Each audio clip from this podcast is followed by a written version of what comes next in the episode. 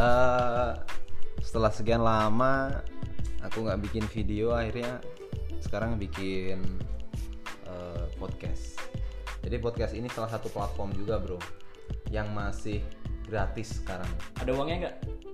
Eh, nggak ada sih. Cuma di sini tuh kayak kamu tuh bisa mengekspresikan apa aja curhat gitu. Oh iya, tapi sebelumnya sebelum kita mulai eh, perkenalkan namaku Uung dan sekarang aku bareng sama temenku yang jauh-jauh dari Peta- Pekanbaru bro, Sulawesi. Pekanbaru tuh masuk Sulawesi mana ya? Sumatera itu bro. Oh iya. Oh iya Sumatera, Sumatera mana? Sumatera Riau, Riau. Riau ya. Bag- Sumatera bagian tengah lah. Sumatera Tengah bagian eh, bagian Oh tengah-tengah. pernah ke sana? Belum sih. Oh makanya nggak tahu. Jadi bareng temenku namanya Rico ya welcome to my podcast Bro Rico ya. Dahsyat. Jadi jadi Rico ini adalah apa namanya profesinya sebagai eh, karyawan di salah satu perusahaan besar. sales. ya basicnya sales cuma kerjaannya nggak cuma jualan banyak hal yang dia lakukan dan dia eh, kalau nggak salah udah berapa tahun kamu Jalan lima tahun lima tahun ya di perusahaan ini ya gitu jadi dia temen satu kerjaku satu apa satu tingkat di atasku. Jadi bisa dibilang kakak kelasku lah gitu. Nah Riko ini kebetulan lagi di rumahku yang di Pare nih. Eh, yang apa namanya yang kontrakanku di Pare-Pare. Karena dia ada acara di eh, salah satu teritorinya bawa trainee ya. Jadi mulai sekarang dia aku jadi trainer kayaknya Jadi mau bahas apa kerjaan? jadi banyak yang kita bahas. Oh. Jadi gitu. di tempatku ini bebas mau bahas apa, mau bahas yang eh, jelek, baik, buruk tuh bebas. Tapi paling nggak teman-teman yang dengerin ini, karena ada yang dengerin, yang dengerin tuh kebanyakan kan ada anunya, ada viewsnya gitu. Oh, ketawa. gitu. Iya. Jadi yang dengerin tuh kebanyakan anak-anak yang masih penasaran dengan podcast. Oh. Karena channel podcast itu masih dikit banget. Jadi menurutku opportunity-nya lebih banyak nih. Tapi jeleknya podcast adalah kita nggak bisa tahu kalau nggak kita nggak perkenalan ini namanya siapa nih namanya siapa gitu Hmm, kayak di radio gitu ya. Kalau di radio berarti kalau lebih dari tiga orang biasanya kalau orangnya belum kenal kalau artis tahu lah suaranya apa tapi kalau orang baru biasanya nggak susah gitu. Oke siap. Jadi mau nanya apa nih? Nanya apa jadi sebenarnya aku pengen nanya budaya sih oh budaya. Heeh, jadi karena Indonesia ini kan sangat terkenal dengan keanekaragaman budayanya gitu kan kayak kamu orang Sumatera aku orang Pulau Jawa gitu kan budayanya udah beda banget tuh Hmm, apalagi orang Sulawesi kan. apalagi Sulawesi nah kita kan sekarang tinggal di Sulawesi nih jadi eh, secara nggak langsung kita belajar budaya baru di sini gitu Hmm, ya paling mirip sih budaya Indonesia yang nggak bisa ke mana-mana sih gotong royong kayaknya ya. gotong royong itu salah satu yang jarang bro orang Selang betul bro. Iya sih Cuma masing-masing. iya sih. Cuma apa namanya ada gitu masih ada culture itu di sini sebenarnya. Cuma nggak dilakuin gitu. Kan kalau gotong royong kan kalau di Jawa tuh masih kayak bikin rumah gitu biasanya masih eh, apa namanya tetangga-tetangga gitu. Hmm. berbaik genteng gitulah misalnya kayak rumahku kemarin gitu. Kalau di kota besar sih budaya-budaya itu udah udah agak hilang gitu. Kalau di kota besar kayak Jogja gitu budaya itu udah agak hilang tapi kalau yang di pinggir-pinggir masih nah aku nggak tahu nih di Pekanbaru kalau masalah gotong royong sendiri gimana nih Gotong royong atau budaya? Kalau budaya. gotong royong dulu deh gotong royong dulu deh Kalau gotong royong sih, ya aku kan udah istilahnya udah lama ngerantau ya. Cuman kalau aku lihat sih di daerah Sumatera, terutama Pekanbaru ya budaya gotong royong sih masih ada sih ya, masih ada. Masih. Cuman eh, ini ya, karena kan kalau Pekanbaru itu sendiri sebenarnya ini banyak pendatang sih. Karena kalau orang asli, kebetulan aku kan juga sebenarnya orang tuaku kan pendatang. pendatang asli Orang. pribumi sana Orang tuaku itu asli sukunya Minang. oh Minang Bukit Tinggi. Nah, aku cuma lahir di Pekanbaru. Hmm. Jadi secara tidak langsung ya terpapar budayanya yang ada di Riau. Itu kalau di Riau itu rata-rata orangnya Melayu sih. oh Suku Melayu aslinya itu Melayu. bro. Melayu. Nah, Melayu itu sebenarnya kalau misalnya kita ke Sulawesi itu padanannya ada di sini turunannya.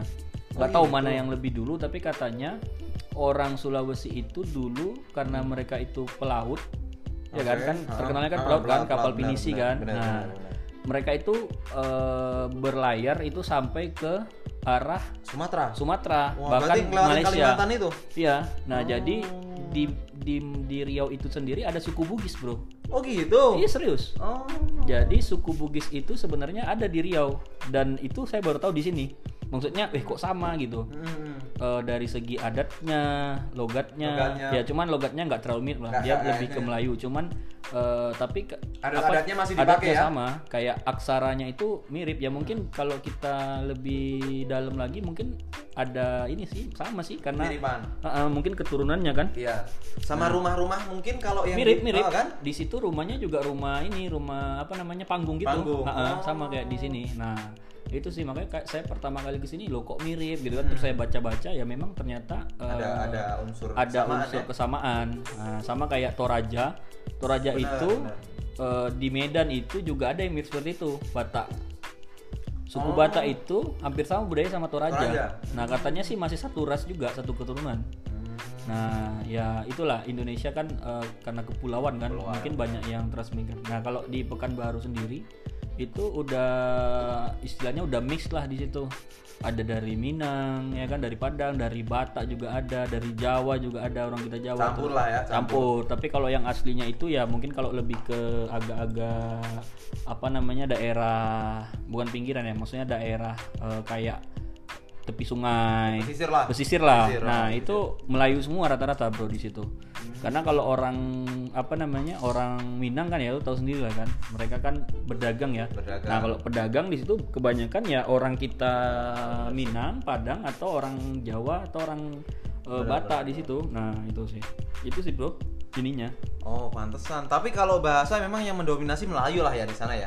Karena mungkin antara Melayu itu Melayu kan sebenarnya kalau kita bicara deket sama daerah Malaysia sama Singapura gitu mungkin karena Iya. daerah sana deket mereka istilahnya deket gitu. bahasanya itu Melayu campur dengan bahasa Minang lah karena mereka itu juga ada apa eh, rasnya campuran, juga. Campuran, oh. Kalau misalnya kita eh, bagi ya pesisir sama yang lebih ke daratnya itu kan ada yang ininya eh, dekat ke arah barat ya dia banyak terpapar sama budaya-budaya dari Sumatera Barat Barat. Oh. dari Padang, dari Bukit iya, Tinggi iya, gitu. Nah, jadi kayak di Kampar itu bahasanya suku apa orang Ocu itu udah agak-agak ini bahasa Minang dia. Cuma rata-rata mereka kalau bahasa Padang, bahasa Minang itu ngerti, di Ngerti. situ. Oh, karena dia kayak terba ter di tengah-tengah gitu ya. Iya, Di gitu. tengah-tengah antara ke sini atau ke sini gitu. Mm-mm.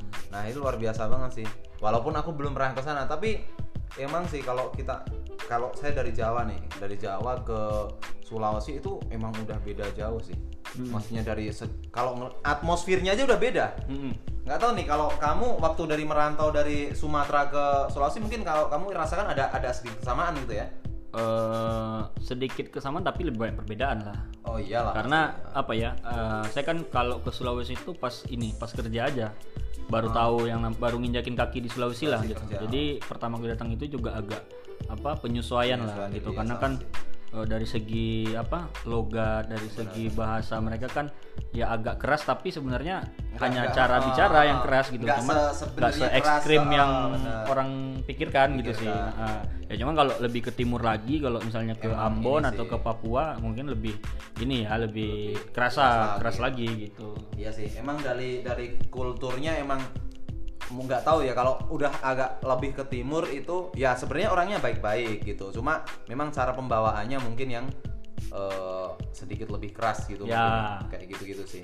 Sama kalau aku kan pertama menginjakan di Eastern itu kan di Bali, Bro. Hmm. Di Bali itu tanda kutip tempat wisata lah ya. Cuma kan kalau kita namanya orang tinggal di sana kan otomatis tahu nih sampai dalamnya Bali, kemudian Hmm. logatnya. Bali itu mirip logatnya orang Padang loh bro Heeh, begitu. Heeh. Gitu-gitu ya. Heeh. Heeh sih. mirip mirip mirip mirip lah Ah. ada ada beberapa konsonan atau tekanan itu yang mirip ya. Ah, Heeh sih. gitu sih.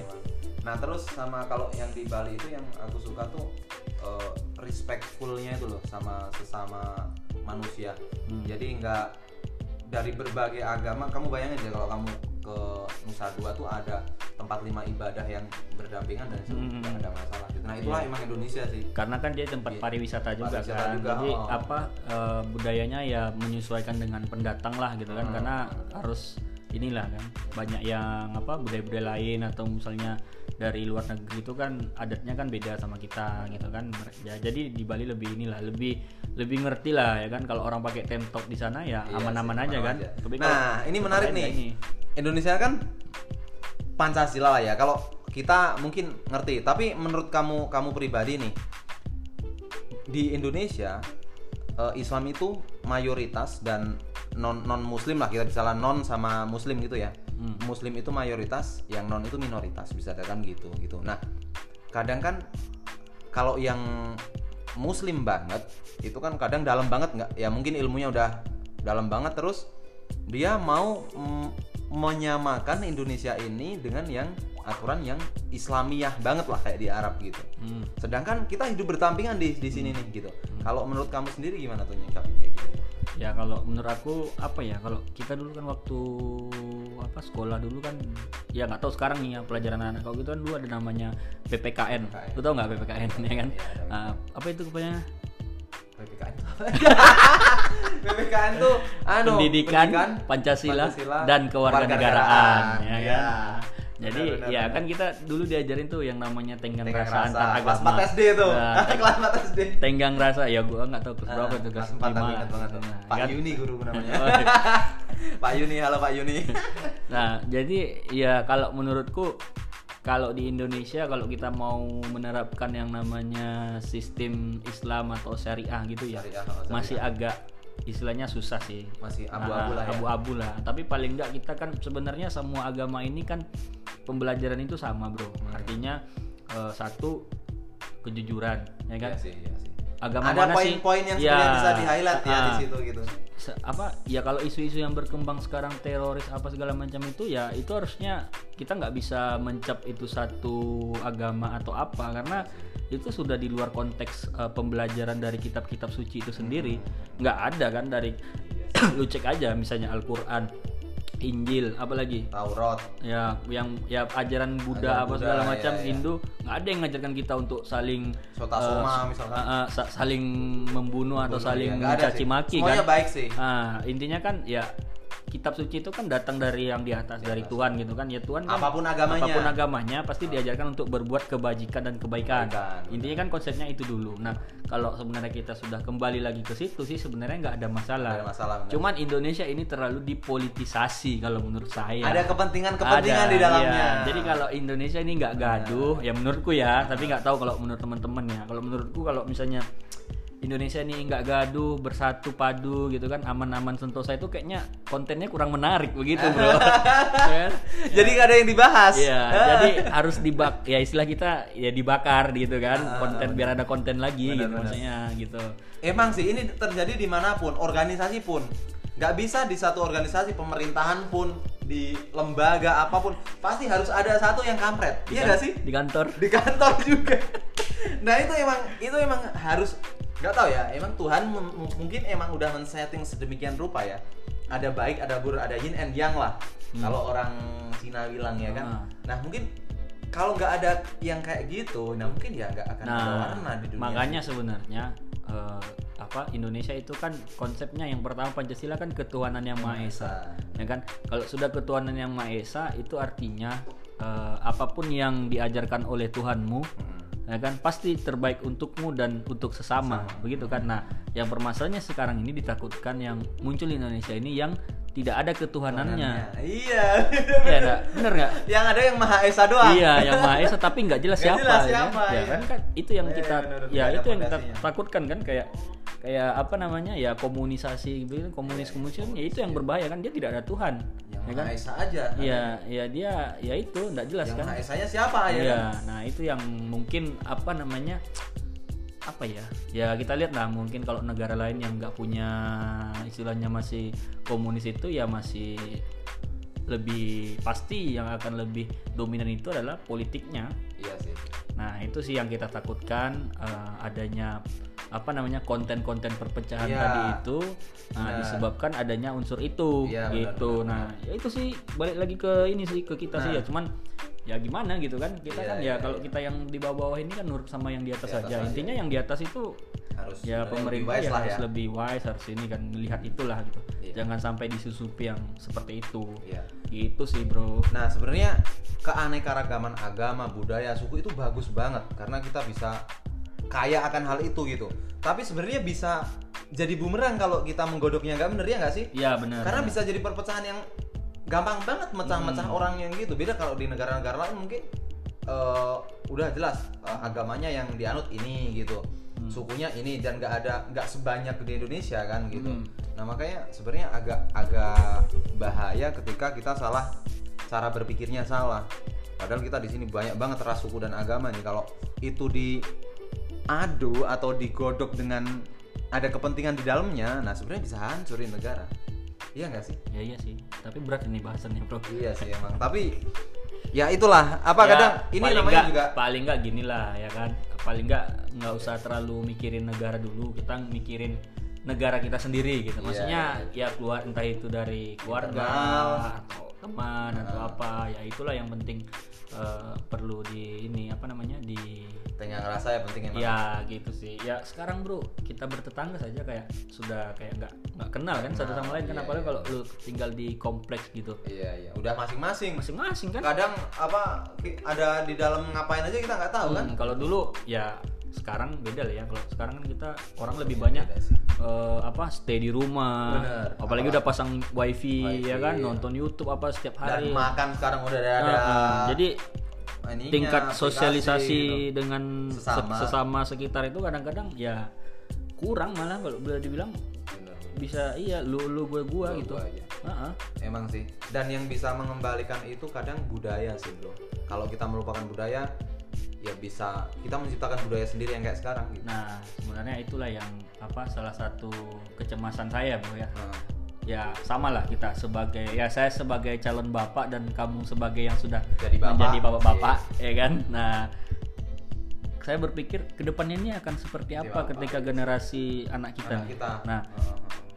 jangan sampai eh, apa dari awal itu dia sudah terpapar lu lihat aja sekarang anak kecil kalau dibawa ke mall sama orang tuanya disuruh makan pasti ditonton YouTube Iya, ya enggak Iya. ya kan Iya. ya sih. enggak kalau kita dulu mana ada Anak nangis dikasih YouTube diem. Heeh, anak-anak SD pulang SD, sekolah bener. bro ya kan nontonnya YouTube ya kan nah sekarang kayak ya nggak usah sebut merek lah salah Iya. satu yang lagi terkenal jam Ah, anak-anak itu bro iya, iya, iya. nah itu bahkan aku denger ya kan Ah. ada anaknya yang dibeliin KW, barang jam KW Iya, sama iya. orang tuanya mau. di sekolah dibully coy Astaga.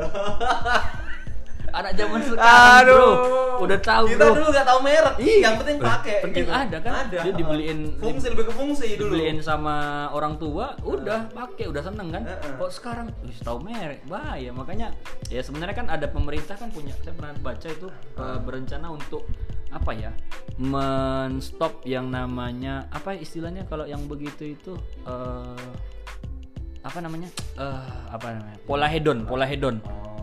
Kan apa tuh hedon? hedon itu gini bro suka mamer-pamerkan yang sesuatu yang berlebih-lebihan di di di, Oh. di konten atau di YouTube Di media atau sosial. sehingga kan bro kalau misalnya lu lihat misalnya oh, selebgram atau apa posting barang branded Oh, pasti misalkan jamnya apa eh, gitu ya kan? jiwa Tasnya apa? jiwa, gitu. jiwa miskinmu memberontak, Memberontak. Iya, iya. ya walaupun emang kita miskin sih iya gitu. iya nah masalahnya Bener, itu bener. nah itu kemarin gua kalau gua sih setuju setuju aja sih maksudnya apa ya ya balik lagi sih sebenarnya kan media sosial kan tergantung pribadi masing-masing kan Iya, lu mau iya. follow atau enggak Enggak. cuman ya sekarang nggak bisa men. Kalau misalnya di feed pun muncul otomatis kan atau di inilah di Merangsang otomatis ya kan? iya makanya Merangsang. ah, dari situ muncullah sekarang ini ya istilahnya ya orang pengen dapat uang secara instan. Ya lu tau lah kan banyak Iya, cara gitu kan ya entah apa-apa gitu. Nah karena itu apa? Ya karena dia sudah terdoktrin dengan hal-hal yang edon tadi yang bersifat mewah-mewah tapi istilahnya kemampuannya belum ada tapi Iya, pengen iya, iya. itu gitu Iya. ya kan Dan sebenarnya belum tentu yang dipamerin itu punya dia loh itu.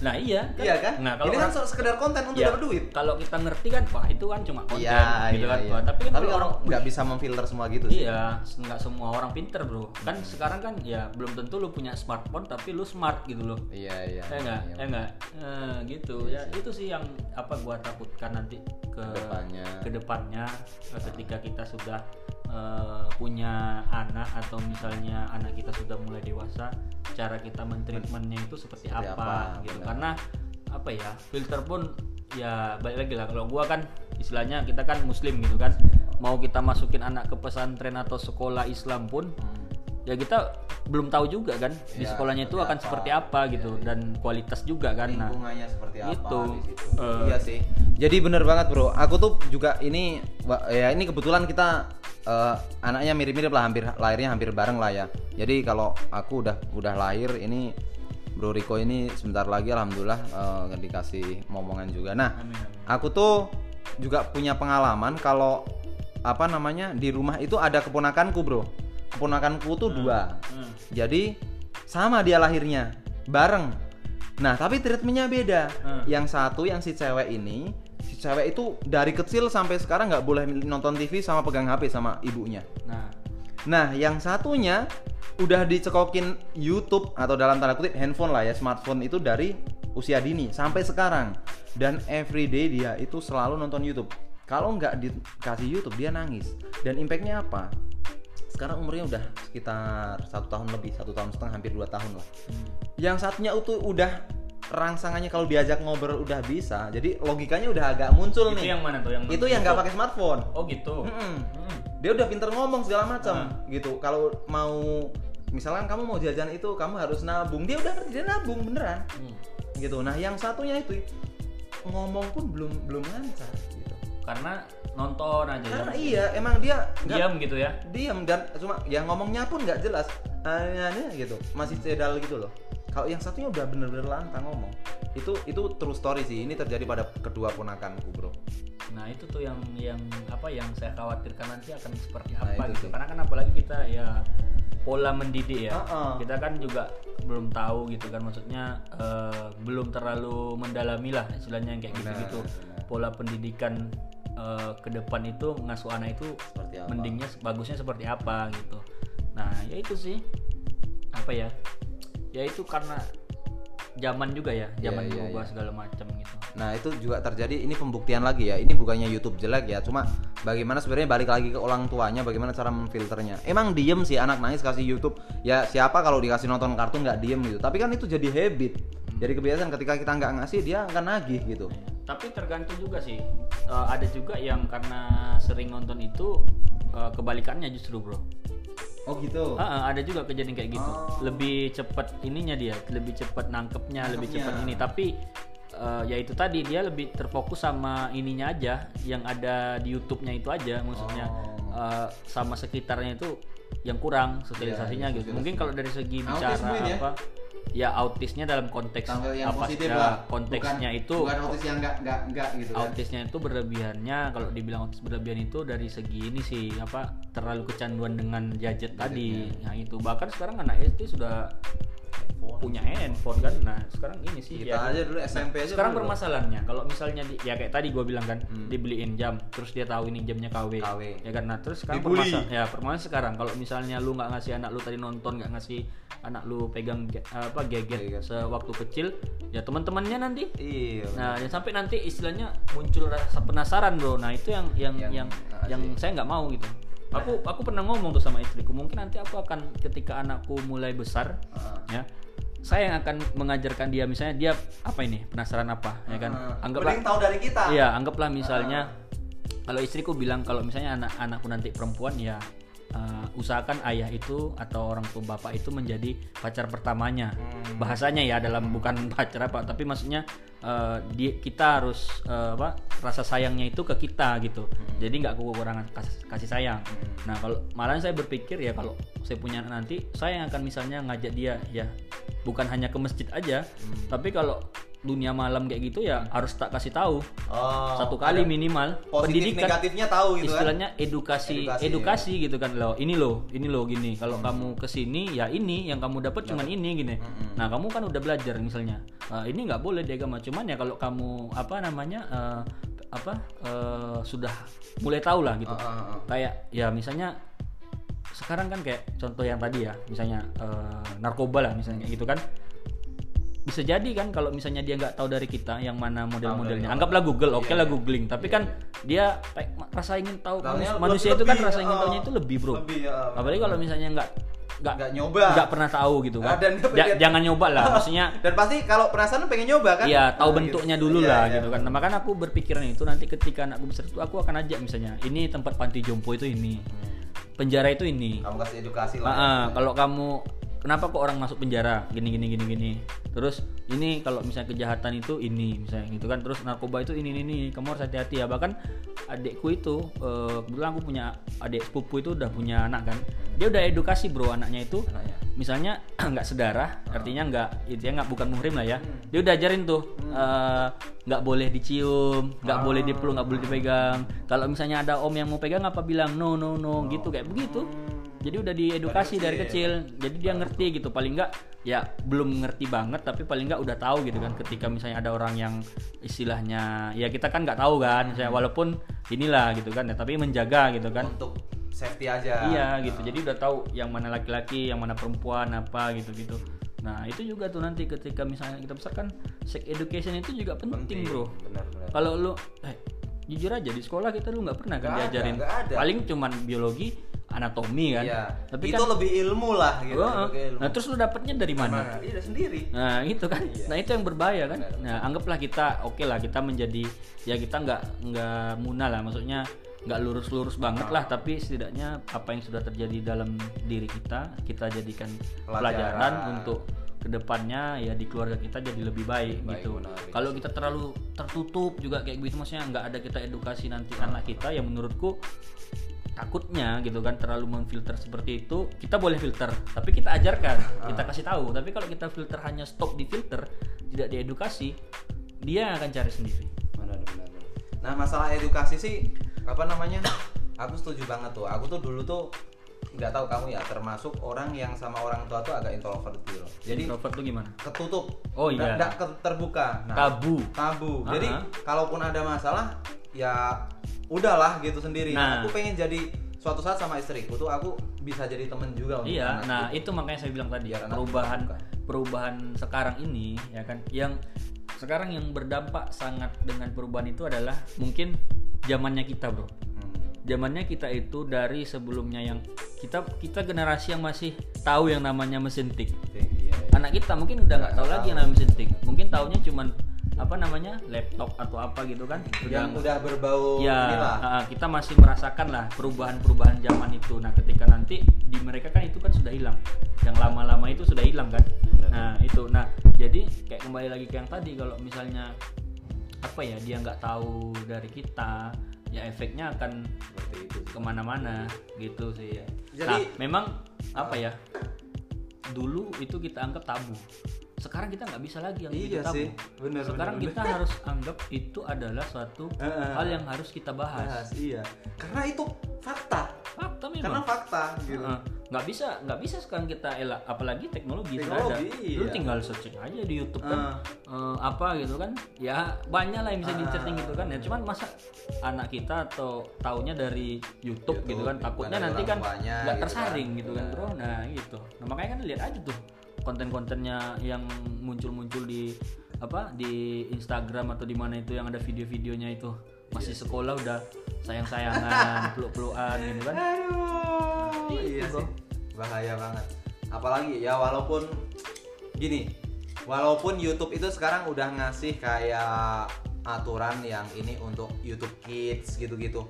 Cuma aku yakin banget walaupun kita Enggak, yang ini bukan hanya YouTube ya. Iya, ya dalam konteksnya apa pun lah, apa pun, ya. Maksudnya sosmed lah, Sosmed. Ini bukan ngejelekin YouTube. YouTube bagus gitu. YouTube Dengan bagus adanya banget. YouTube Kids sih sebenarnya juga bagus, Bagus, untuk bagus. edukasi gitu. Iya. Nah, cuman efek sampingnya tadi dari kalau misalnya kita Nggak nggak bisa memfilter. nggak filter misalnya Iya. lo udah harus bisa ngebatesin eh, oke gua kasih anak gua tontonan YouTube tapi ada batas waktunya kayak kita Iya, dulu kan iya. misalnya lu lah misalnya zaman dulu kita mau pergi ke rental PS, PS, ya. kan ada waktunya men waktunya, ya kan benar. boleh main tapi cuma satu jam ya hari Iya, libur iya, iya, gitu kan benar, benar. atau hari libur boleh dua jam tapi hari biasa nggak boleh Nggak kan kayak boleh, gitu iya. gitu kan Nah, itu sebenarnya YouTube nggak salah. Yang salah itu ketika kita nggak bisa meng, meng- apa mengakomodir si anak kita porsinya, ya kan?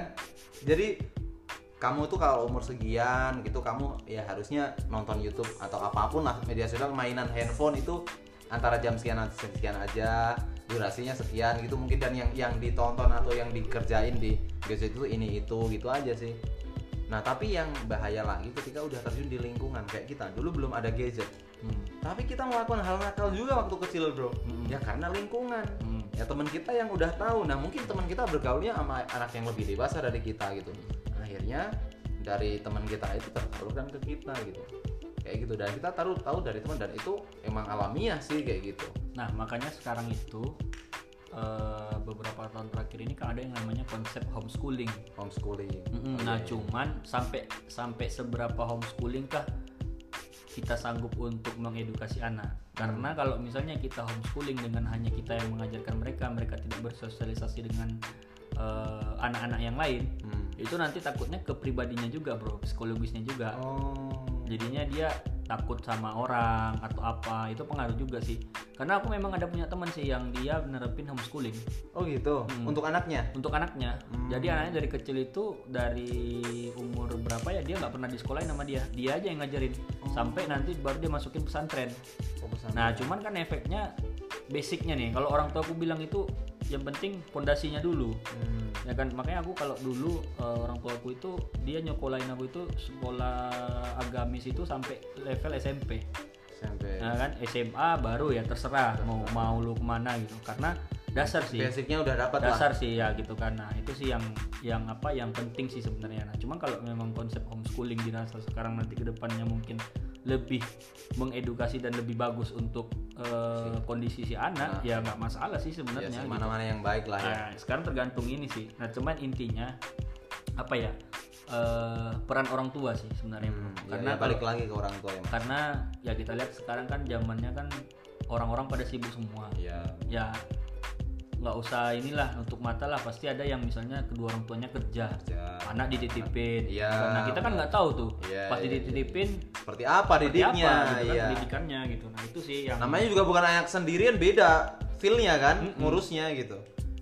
Gitu. Dan itu nggak bisa nyalain sih karena ya mereka kerja juga demi iya demi anak. keluarga aja. Cuma ada minusnya itu pasti gitu. Makanya eh, kalau aku sih lebih prefer kalau anak tetap istri sih yang maksudnya beda lah kasih sayangnya itu yang di yang dikasih gitu ke anak gitu.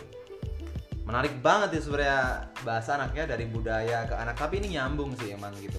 Dan aku juga pengen nanti eh, ini kan salah satu lagu eh, apa Didi Kempot campur sari gitu kan sebenarnya budaya kan Hmm. itu kan lagu budaya gitu iya yang yang alhamdulillahnya kebetulan booming bisa diterima semua masyarakat gitu Hmm. nah aku juga pengen uh, apa nggak tahu masa depannya anak kita mungkin eranya udah beda banget tapi aku aku pengen tuh maksudnya dia tetap membawa budaya jangan sampai lupa lah kamu tuh lahir dari mana gitu kayak Hmm. gitu gitu sih Hmm.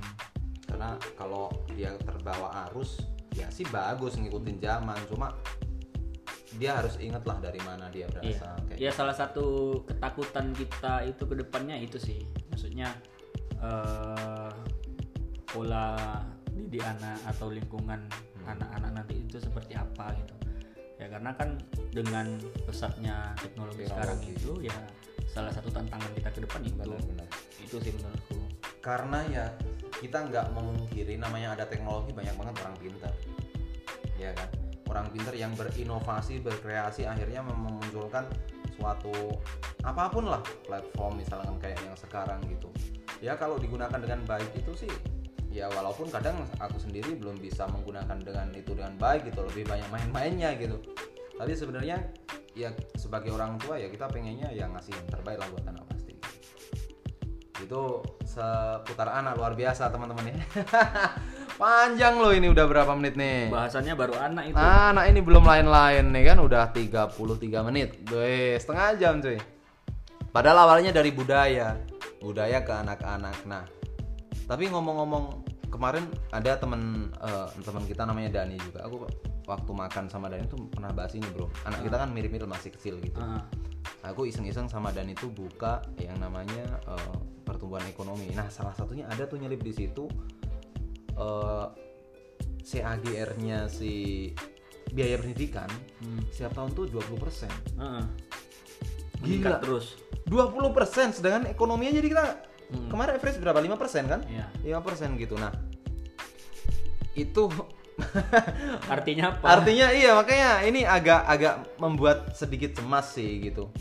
artinya ya sekarang pun kalau misalnya nah konsepnya kan gini ketika pendidikan itu eh, ya pendidikan kan penting Heeh. cuman pasti kita mikir kan ketika anak itu ya bukan ini ya masuk ke sekolah negeri Mhm. ya kan ya negeri lo tau lah kan semua semua orang akan menuju ke situ yang istilahnya semua kalangan lah gitu Ya, kita nggak bisa memfilter benar. kalau kita mau memfilter untuk cari yang se- lingkungannya lebih bagus pasti ke swasta Swasta. Nah, swasta pun sekarang eh negeri pun sekarang masuknya juga anggaplah misalnya uang sekolahnya juga udah gila-gilaan juga. Iya, ya mahal lah ya. Apalagi swasta, coy. dibanding zaman kita Iya, kemarin zaman aku kita sempat nanya juga tuh waktu di Pekanbaru itu ternyata masuk untuk PAUD aja, PAUD atau TK gitu ya. Heeh. Itu udah kayak SPP kita waktu kuliah, coy. astaga iya iya iya aku sempat denger Pak Ade yang di Jakarta Iya. BSD ngomong juga sih gitu Dahsyat kan? dahsyat makanya ini ini baru tahun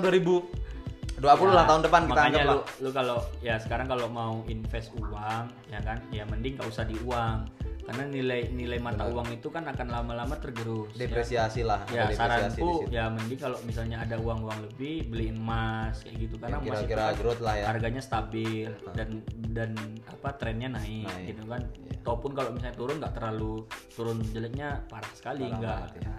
Nah, itu sih lebih ke investasi itu kalau saham sih aku nggak ngerti tapi kalau emas sih aku udah mulai ini sih mulai apa ngulik-ngulik ya mulai nabung-nabung lah dari dulu gitu Oh. Ya, lumayan sih ininya apa namanya eh, stabilnya, gitu Stabilnya. dari segi stabilitas ininya ya secara kita kan dia juga Benar. liquid gampang dicairin kan kalau misalnya mau di apa mau lu butuh lagi butuh ya, Kapan pun bisa. lu bisa jual Benar. gitu sih Nah iya sih kalau emas aku aku tersadar tuh karena kan di apa di salah satu project perusahaan kita kan ada yang kadang hadiah emas gitu ya. Hmm. Kadang aku kan kebetulan kadang ngeliat tuh dulu waktu zaman 2 tahun sekitar 2 tahun yang lalu harga emas tuh masih 500 ribu bro. iya masih Sekarang 700 Heeh, gitu. 700-an sekarang Berarti per tahun itu naik 100 ribu. Nah itu keren banget sih menurutku. iya 100 Eh, ribu. lebih stabil dia Iya. Gitu. Jadi kalau 100 naik 100 100 100 itu ya oke banget gitu. Hmm. Nah, itu ada ekor-ekornya lah something gitu. Cuma menurutku kalau ini emang worth it emas sih kalau mau investasi ataupun kalau ya karena kalau mau beli investasi kayak tanah apa segala itu butuh duit, duit yang besar lah ya gitu. Kalau kalian mungkin punya apa namanya uang yang lebih sih it's okay. Tapi kalau masih ya kayak kita kita ini ya nyicil lah namanya gitu. Sekali-kali lah Iya, sekalian kali. Lu ko- konten lu podcast lu serius banget bro Iya, Bahasannya. iya. Jadi ini apa namanya eh, sharing. Penting sih. ya? Penting. ya iya. semoga inilah bermanfaat, ya Bermanfaat kan paling enggak apa yang ya semoga bisa inilah membuka Jendela baru. pemikiran baru juga Iya, gitu benar. kan tersadarkan gitu Iya, ya ini kan sharing. Sebenarnya kan kita ngobrolin kayak gini kan juga jarang, bro. Jadi mungkin adanya apa namanya podcast ini bisa sharing juga ke teman-teman. Jadi mungkin bisa ada komennya atau enggak sih? Nggak ngerti sih kalau podcast ini ada komennya. Karena ini ini kan harus direkam lewat Anchor ini dulu kemudian nanti di convert baru di upload Anchor ini salah satu untuk alat rekamnya. Oh gitu. Heeh, podcast itu Jadi adalah postingan podcast lu udah keberapa ini? Ini udah ketiga. Bedahsyat Udah Ntar gua, ketiga. ini- gua denger dengerin Iya. bahasan lu apa. Jadi bisa didengerin kalau podcast itu dengerinnya di, Spotify. Oh gitu. Heeh. nah tapi sekarang itu eh, yang ngomongin Spotify ya Spotify itu sebentar lagi akan terancam loh karena ada YouTube musik untuk musik iya sih benar ya enggak YouTube, musik. itu lebih dahsyat katanya dari dari Spotify. Iya, karena meng-MP3 kan si YouTube. Ah, ah. Iya sih. Jadi apa namanya? Ya kembali lagi lah tergantung ya karena mungkin Spotify ini karena di dalamnya platformnya itu sudah apa Berbayar. namanya? Iya, premium lah ya. premium gitu mungkin ya agak agak nggak tahu lah ke depannya yang penting ya udahlah yang penting kayak ini bisa sharing itu sih masalah mau didengerin atau enggak Tapi ya. setauku kalau mau denger podcast itu nggak harus lewat Spotify loh. Maksudnya nggak harus install nggak harus Spotify. nggak harus nggak harus Lu yang penting eh, dapat linknya bisa. iya dapat linknya bisa bener. Tapi apa namanya yang paling orang biasanya dengerin itu Spotify sih. Maksudnya untuk buka channel apa pun ada di Spotify. Bahkan kalau kamu download Anchor Anchor juga ada ini nanti Oke, karena udah 39 menit, kayaknya udah panjang lebar. Eh, thank you banget Bro Riko udah sharing Oke. tentang budaya, kemudian Sama-sama. plan anak kita mau diapain ke depannya gitu sama eh, apa namanya tadi Eh, masalah ekonomi sedikit ya gitu. Jadi mudah-mudahan ini bermanfaat untuk kita semua. Amin. Amin. Oke. See you. Wassalamualaikum warahmatullahi wabarakatuh. Waalaikumsalam.